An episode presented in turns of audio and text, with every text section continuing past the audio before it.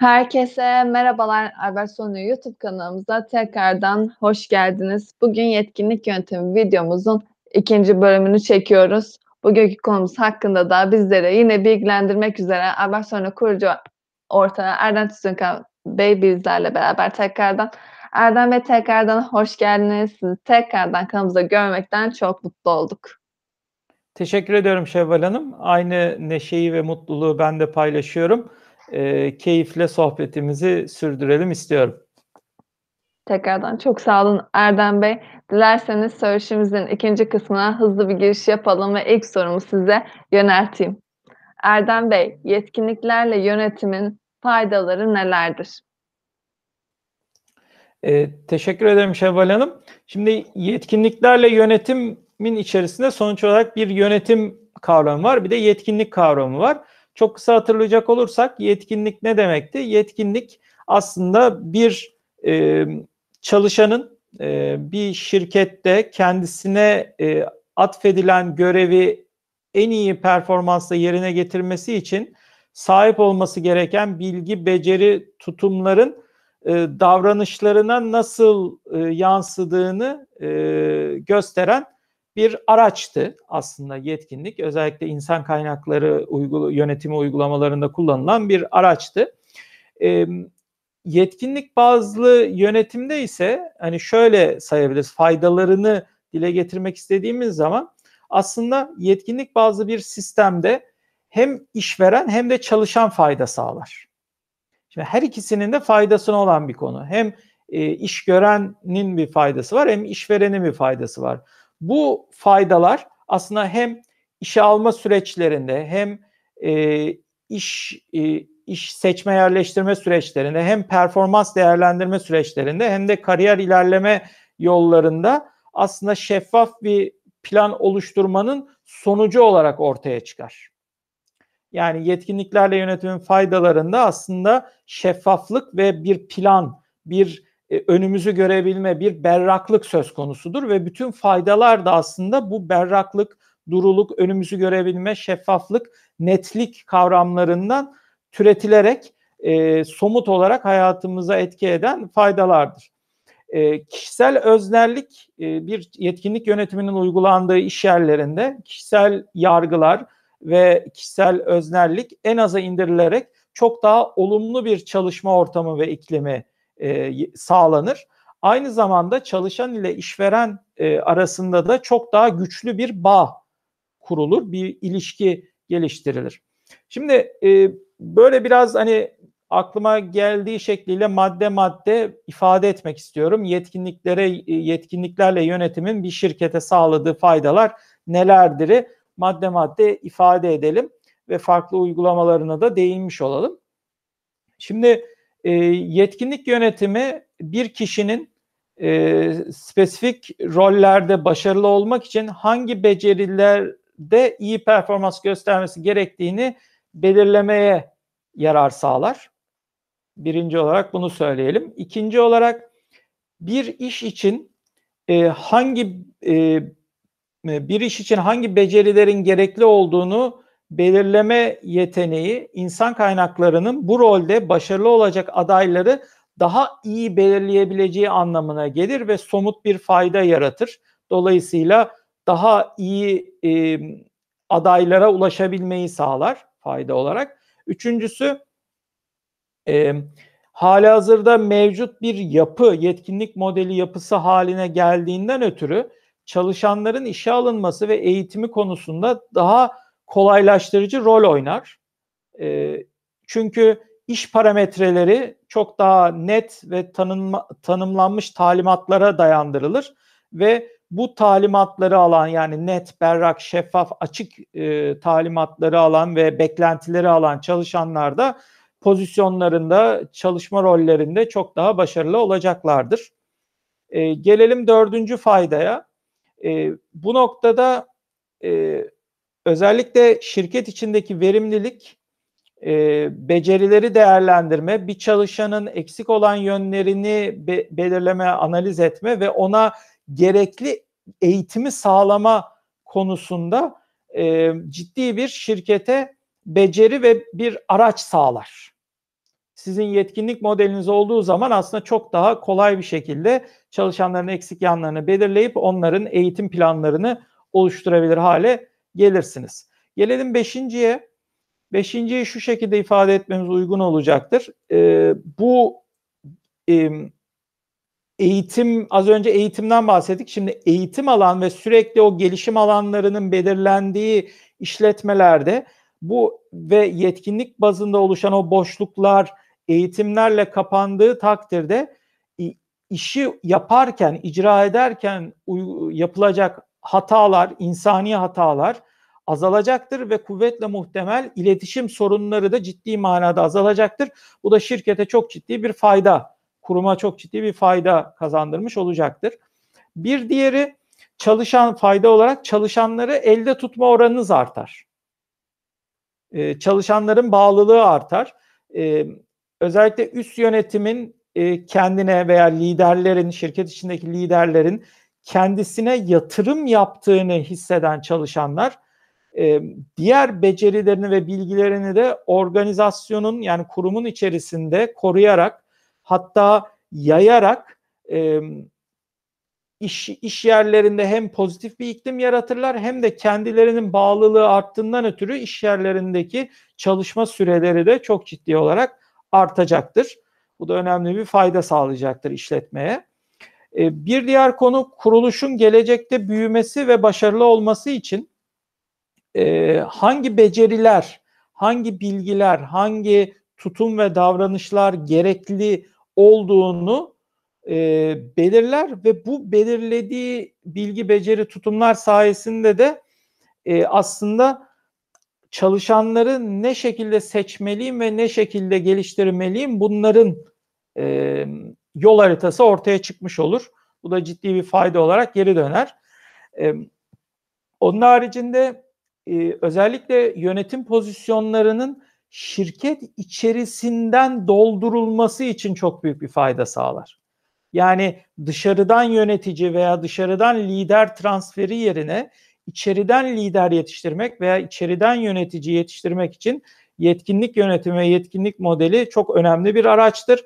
Çünkü e, hem yöneticilik pozisyonları için fırsatlar çalışanlar için çok önemlidir.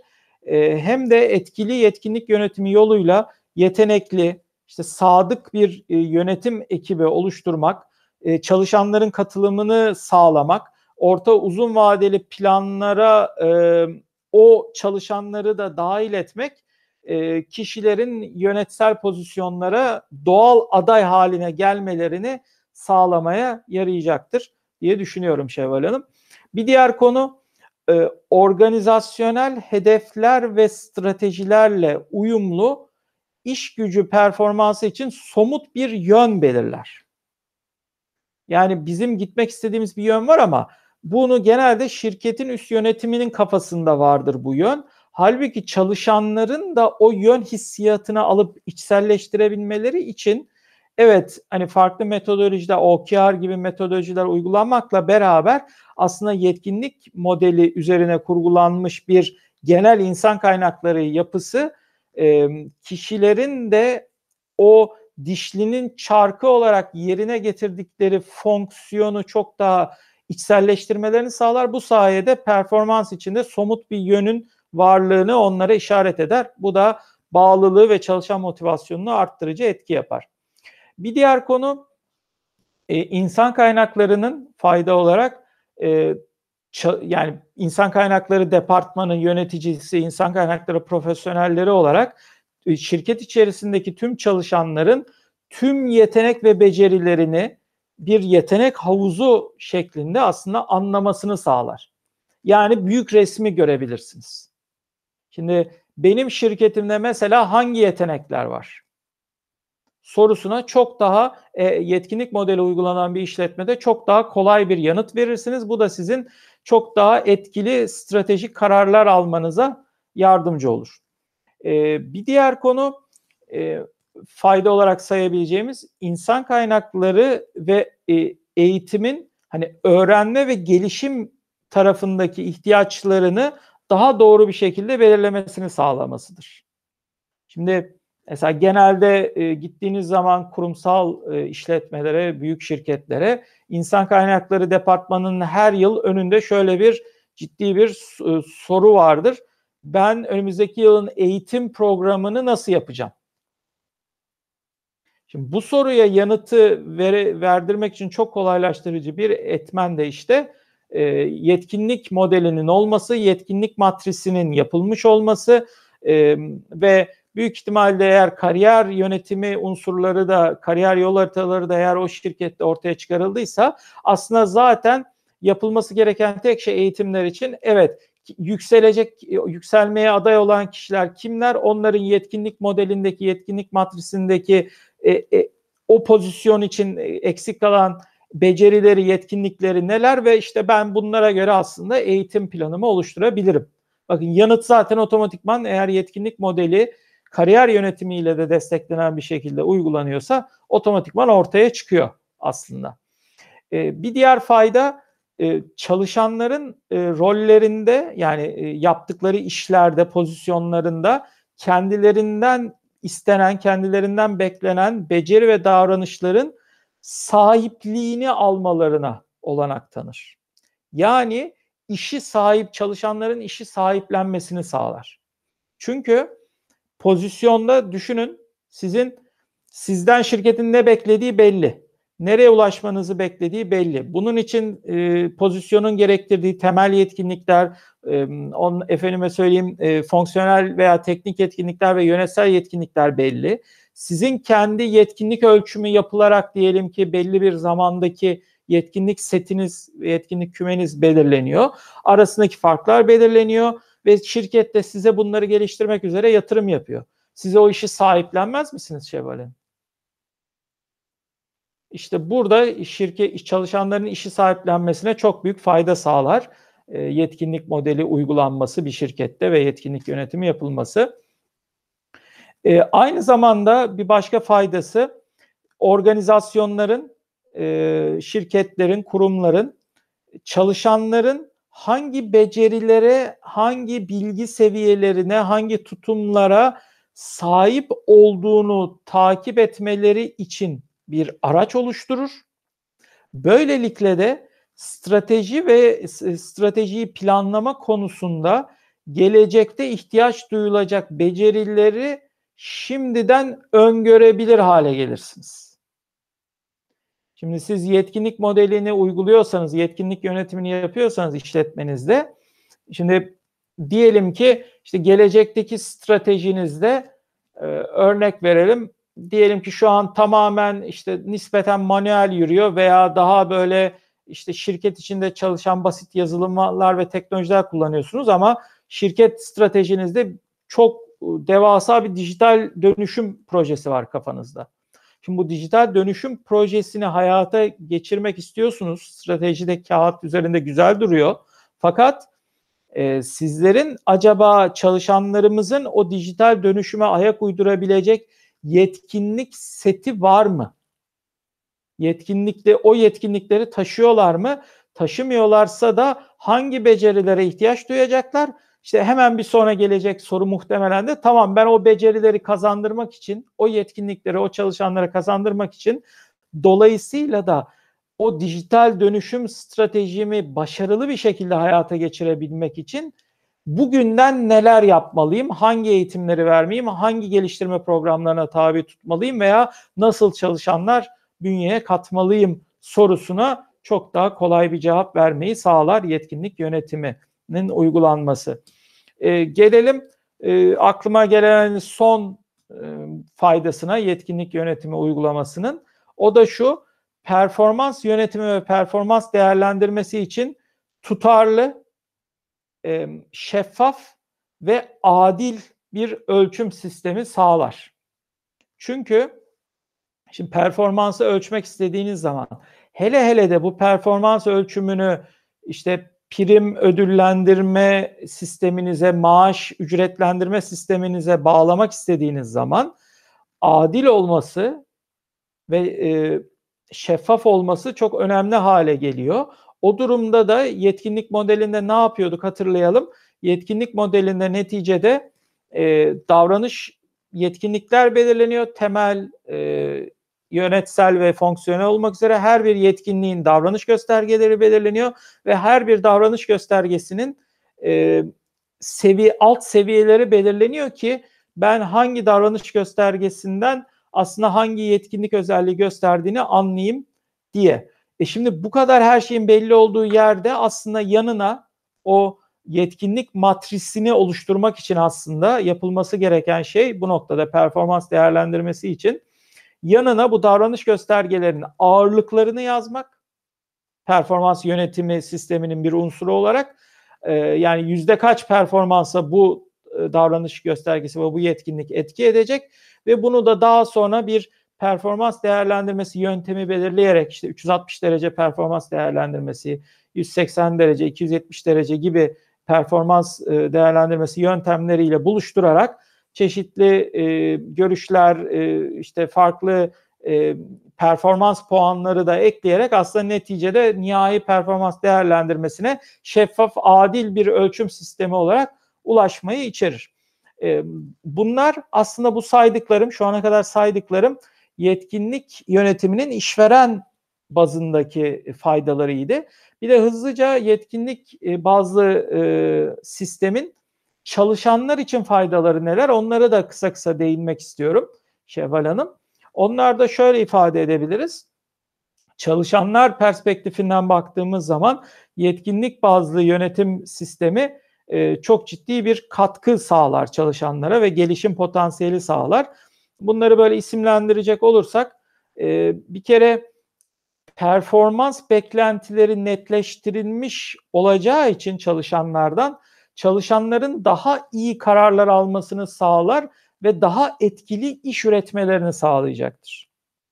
Çalışanlar gözlüğüne bakınca. İki, çalışanların e, ekip takımlarının, departmanlarının, bölümlerinin veya genel olarak kurumun genel stratejisi hakkında çalışanlara fikir vererek daha fazla katılım ve daha fazla çalışan motivasyonu sağlayacaktır. Çalışan gözlüğüyle baktığımızda.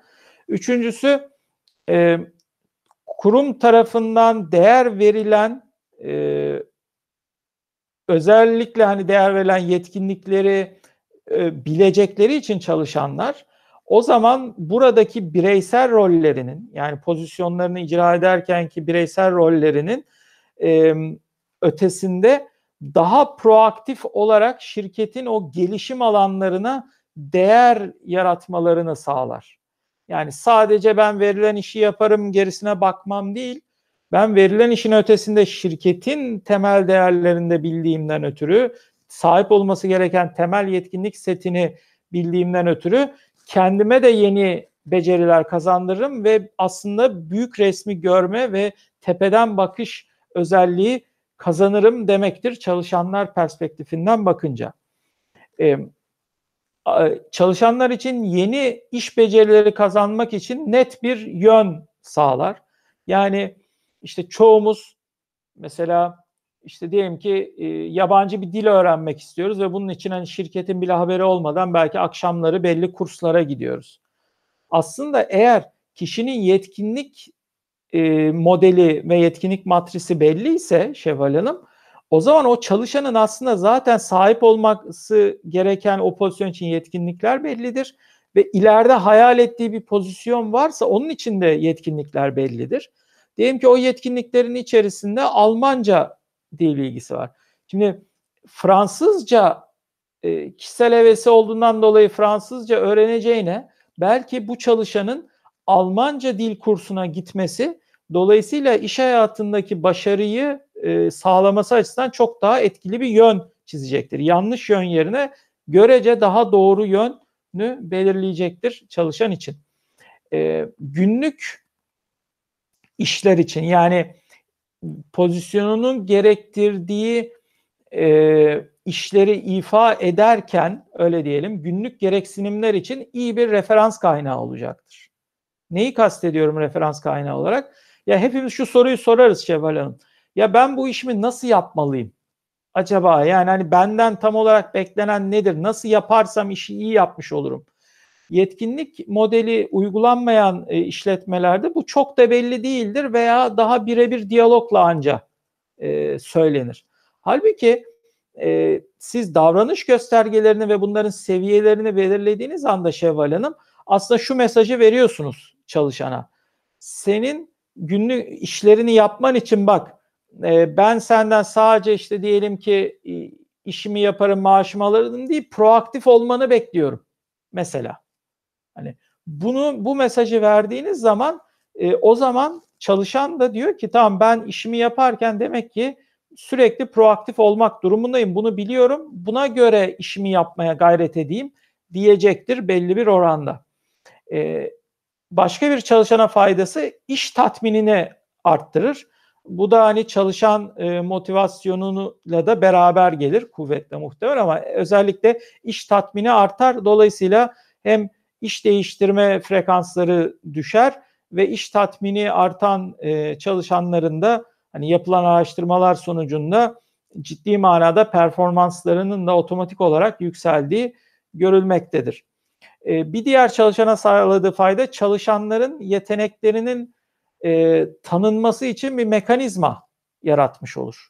Şimdi e, şundan da çalışanlar genelde çok şikayet ederler. Ya ben ağzımla kuş tutuyorum resmen ama kimse beni görmüyor şirket içerisinde. Görünmezdim. Yani farkına bile varılmıyor. İşte bir rapor yolluyorum. İçinde böyle bütün maharetlerimi sergilemişim ama bir bakıyorum o mail açılmamış bile yöneticim tarafından. Hani gibi serzenişler yaygındır. Burada çalışanların hani yeteneklerinin tanınması ve gösterilmesi için de önemli bir mekanizma sağlar. Çünkü zaten davranışları belirlediğiniz anda o davranışları gözlemlenen davranışlar olarak hatırlarsanız tanımlamıştık. Tanımın içerisinde bu da var yetkinlik tanımının. Gözlemesi lazım. Gözlediği zaman da zaten oradaki performansı gördüğü o kişinin de kendisini ifade etme mekanizması bulduğu anlamına gelir diye düşünüyorum. Ee, sonuncu olarak da şunu söyleyebilirim çalışanlara yetenek yönetiminin sağladığı fayda olarak bireysel mesleki gelişim anlamında ve e, çok bireysel mesleki gelişim anlamında ciddi manada iyileşme sağlar. E, eğitimlerin ve her bir gelişim noktasının aslında kilometre taşı olarak kaydedilmesini ve kuruluş tarafından, şirket tarafından da onaylanmasını sağlar. Bakın şunu kastediyorum. Şimdi yetkinliğim bu seviyedeydi. Olmam gereken yetkinlik bu seviyede. Dolayısıyla artışa dair de bir eğitim planı yaptık. Şimdi her bir eğitimi aldıkça aslında şirket o yetkinliğe sahip olup olmadığını işindeki davranışlarıyla gözlemleyecek. Performans yönetimiyle de desteklemişse bunu belli dönemlerde işte çeyrek bazında 6 aylık, yıllık bazlarda değerlendirecek ve geri bildirim verecek demektir. Dolayısıyla ben aslında eğitimimin veya mesleki gelişimimin hangi alanındayımı sadece kendim değil e, şirket tarafından bu işlerde ehil insanların bana ver, verecekleri geri bildirimlerle tescillenmiş olacak. Benim nerede olduğum. Tabiri caizse demin hani Almanca kursu örneğini vermiştik. Bu dil okullarında genelde şöyle sistemler vardır. İşte derler ki seviyeleri ayırırlar. A seviyesi A1, A2, A3 diye de ayırırlar. Sonra B1, B2, B3, C1, C2, C3. İşte adım adım aslında ben mesela A2'deydim. B1'e çıktım. Daha sonra bir yıl daha geçti B3'e çıktım. Sonra C1'e çıktım falan gibi resmen tescilli bir çalışanlar için kilometre taşı belirlenmiş olur diyelim ve bu sayede de hem yetkinlik yönetiminin hem şirketler için hem de çalışanlar için faydalarını anlatmış olalım diye düşünüyorum Şevval Hanım. Sözü tekrar size vermek isterim. Erdem Bey çok sağ olun. Faydalarını da öğrendiğimize göre söyleşimizin son sorusunda size yönelteyim ve söyleşimizi bitirmiş oldum dilerseniz. Erdem Bey, yetkinlik yöntemi kapsamında Albert Sorna olarak müşterilerinize ne veya neler sağlamaktasınız? Ee, teşekkür ederim. Şimdi yetkinlik e, modeli oluşturma e, diye bir hizmetimiz var. Her şeyden önce onu söyleyeyim yetkinlik modelleme olarak da isimlendirilebilir bu konuda. Tabii buna geçmeden önce ben e, birkaç şunu ifade etmek isterim. Şimdi temelde baktığınızda şirketlere, kurumlara aslında yetkinlik modeli oluşturma veya yetkinlik modelleme ne fayda sağlıyor? Çok kısa hani birkaç faydasını e, özetlemek isterim. Bir kere e, çalışanların e, tat, iş tatminini arttırıyor. E, çalışan sirkülasyonunu azaltıyor. E, çalışanların daha etkili bir performans yönetimi ve performans değerlendirmesine ulaşmasına yol gösteriyor. Çalışanların işverenin kendilerinden ne beklediğini anlamasını ve işverenin de çalışanların e, onlara ne verebileceğini anlamasını sağlıyor. Aynı zamanda ciddi manada büyümek için yani bir şirketin büyümesi için gerekli çalışma iklimini yaratıyor e, doğru çalışanlara çok daha etkili bir şekilde ulaşmayı işe alım ve e, seçme ve yerleştirme alanlarında sağlıyor e, ve şirketin büyümesi sırasında çok daha esnek çalışma modellerine geçebilmesini sağlıyor. Mesela uzaktan çalışma modelleri gibi, hibrit e, takım çalışması modelleri gibi e, modellerde şirketin veya proje bazlı çalışma modelleri gibi modellerde çalışabilmelerine olanak sağlıyor. Şimdi bunları bünyesine, bu faydaları e, bünyesine katmak isteyen iş, e, şirketler e, bizim kapımızı çaldığında biz onlara yetkinlik modeli oluşturma e, danışmanlığımızı ve bu hizmetimizi öneriyoruz. Peki bu hizmeti hemen böyle bir e, şey yapacak olursak e, hızlıca böyle sistematik bir şekilde anlatacak olursak şöyle yapalım. Hangi faaliyetleri yapıyoruz? yetkinlik modeli oluştururken burada hangi çıktılara ulaşıyoruz ve bu çıktılara ulaşırken de hangi araçları kullanıyoruz? Üçlü bir yapıda hızlıca anlatmak isterim. Ee, bir kere faaliyetlerden başlayalım. Yetkinlik modeli oluşturmak için ilk yaptığımız iş şirketin temel değerleri, vizyon ve misyonunu analiz etmek. İkincisi şirketin organizasyon yapısı ve görev tanımlarını incelemek ve analiz etmek. Üçüncüsü bu ilk iki analizden çıkartacağımız e, çıkarımlarla, bulgularla iş ailelerini belirlemek ve iş aileleri belirlenirken e, zaten bunlar hani bir kısım bellidir şirketlerde de belirlenirken mevcutta varsa tabii mevcutta olan gri alanları tanımlamak ve oradaki e, iş ailelerini tabiri caizse tamamlamak. Yani eksikleri tamamlamak oradaki gri alanları, e, muallakta kalan alanları yok etmek, net iş ailelerine bir şirketin çalışmasını bölmek aslında.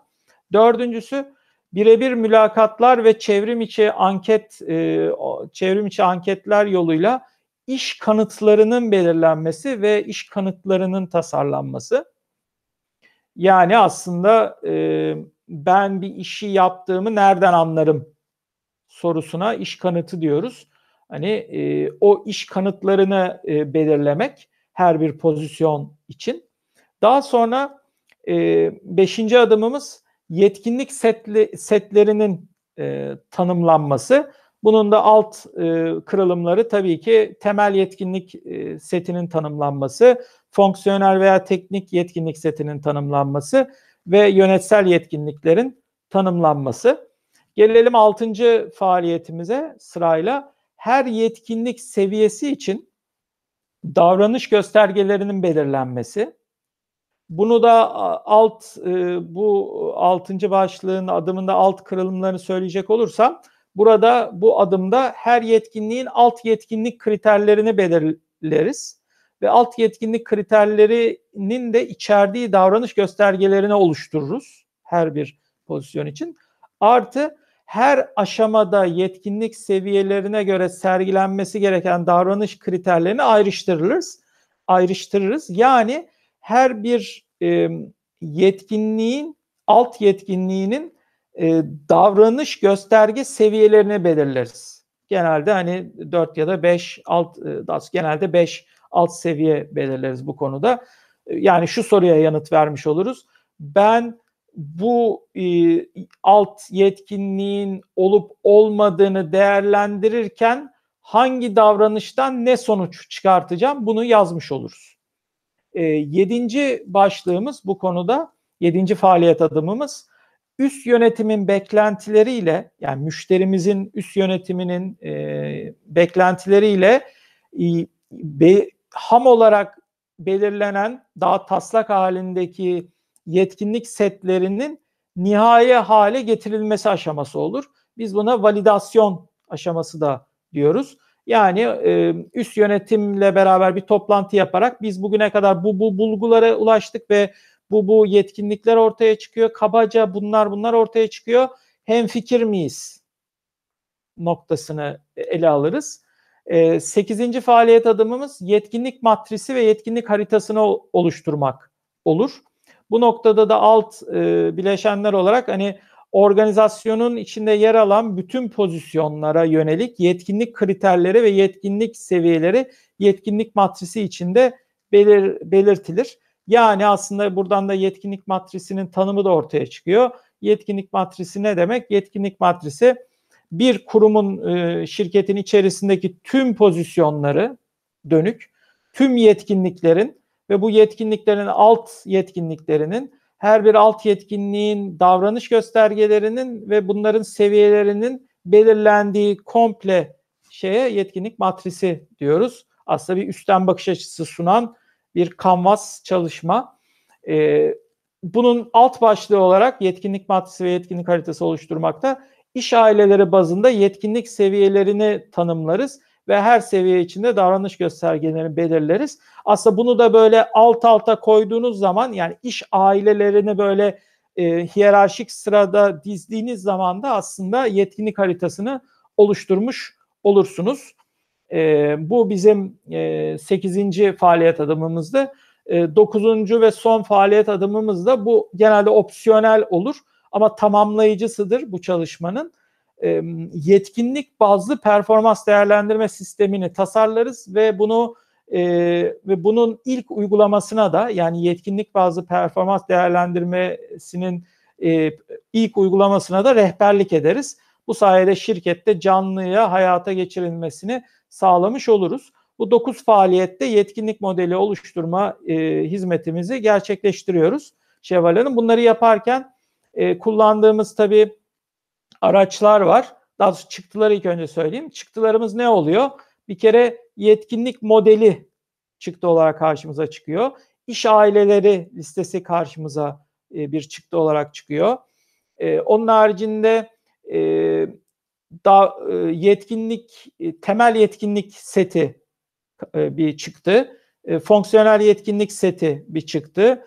E, yönetsel yetkinlik seti ve kümesi bir çıktı oluyor. Diğer bir çıktığımız yetkinlik haritası, e, bir diğer çıktığımız yetkinlik matrisi e, ve performa aslında yetkinlik bazlı performans değerlendirme sistemi de yapıldığı takdirde aslında bu sistem olarak bir çıktı olarak karşımıza yer alıyor. Peki hangi araçları kullanıyoruz derseniz Şevval Hanım. Her şeyden önce tabii ki Albert Solino olarak bir kendi e, yetkinlik yönetimi metodolojimiz var e, yetkinlik modeli metodolojimiz var. Bunu bir araç olarak uyguluyoruz. Onun haricinde e, Corvisio OKR yazılımı var. OKR metodolojisini bir e, araç olarak kullanıyoruz. Artı Corvisio OKR yazılımını da bu metodolojinin daha hayata geçmesi için aslında yetkinliklerin de belirlenmesi, uygulanması, davranış göstergelerinin tanımlanması gibi alt başlıklarda e, kullanıyoruz. Onun haricinde tabii ki SWOT analizini bir metot olarak uyguluyoruz. PEST e, analizini bir e, yine yöntem olarak, araç olarak kullanıyoruz. E, anketler e, bizim için bir araç. E, Jotform gibi e, online anket e, araçları, form araçları bizim için birer araç oluyor. Birebir görüşme metodu bizim için araç oluyor ve Albert Solino ulusal ve uluslararası yetkinlik yönetimi veri tabanı benchmark çalışmalarımız için bizim için bir araç oluyor. Dolayısıyla e, buna ihtiyaç duyan firmaların yetkinlik modeli oluşturma hizmetimize başvurabileceklerini canı gönülden söyleyebilirim. Sözü böylelikle size aktarmış olayım Şevval Hanım. Erdem Bey tekrardan çok teşekkür ederim. Böylece de söyleşimizin sonuna gelmiş bulunmaktayız. Bugünkü konumuz hakkında bizleri aydınlatmak üzere Erbay Sonra kurucu ortağı Erden Tüzünkan bizlerle beraberdi. Erdem Bey ağzınıza sağlık. Çok keyifli bir söyleşi oldu. Bize etkinlik yönetiminin faydalarını ve bu kapsamda Albert Sonra olarak sunduğunuz hizmeti anlattığınız için çok sağ olun. Ben de teşekkür ederim Şevval Hanım. Ee, Ben de anlatırken keyif aldım. Özellikle de günlük hayatımıza, iş dünyasına yansıyan çok önemli bir konu olduğu için yetenek yönetimi umarım faydamızda e, dinleyenlere ve izleyenlere dokunmuştur. Bu ve benzeri konularda daha da fazla e, bilgi edinmek için e, bizim Albert Solino YouTube kanalımızı e, takip edebilirler ve aynı zamanda da e, hem bu formun altı, bu videonun altına e, not bırakarak hem de web sitemizi ziyaret edip iletişim formlarımızdan bize ulaşarak sorularını bize iletebilirler diyorum. Tekrardan çok sağ olun Erdem Bey. Ayrıca da izleyicilerimiz o zaman kanalımıza abone olmayı da unutmasın. Herkese iyi günler diliyorum.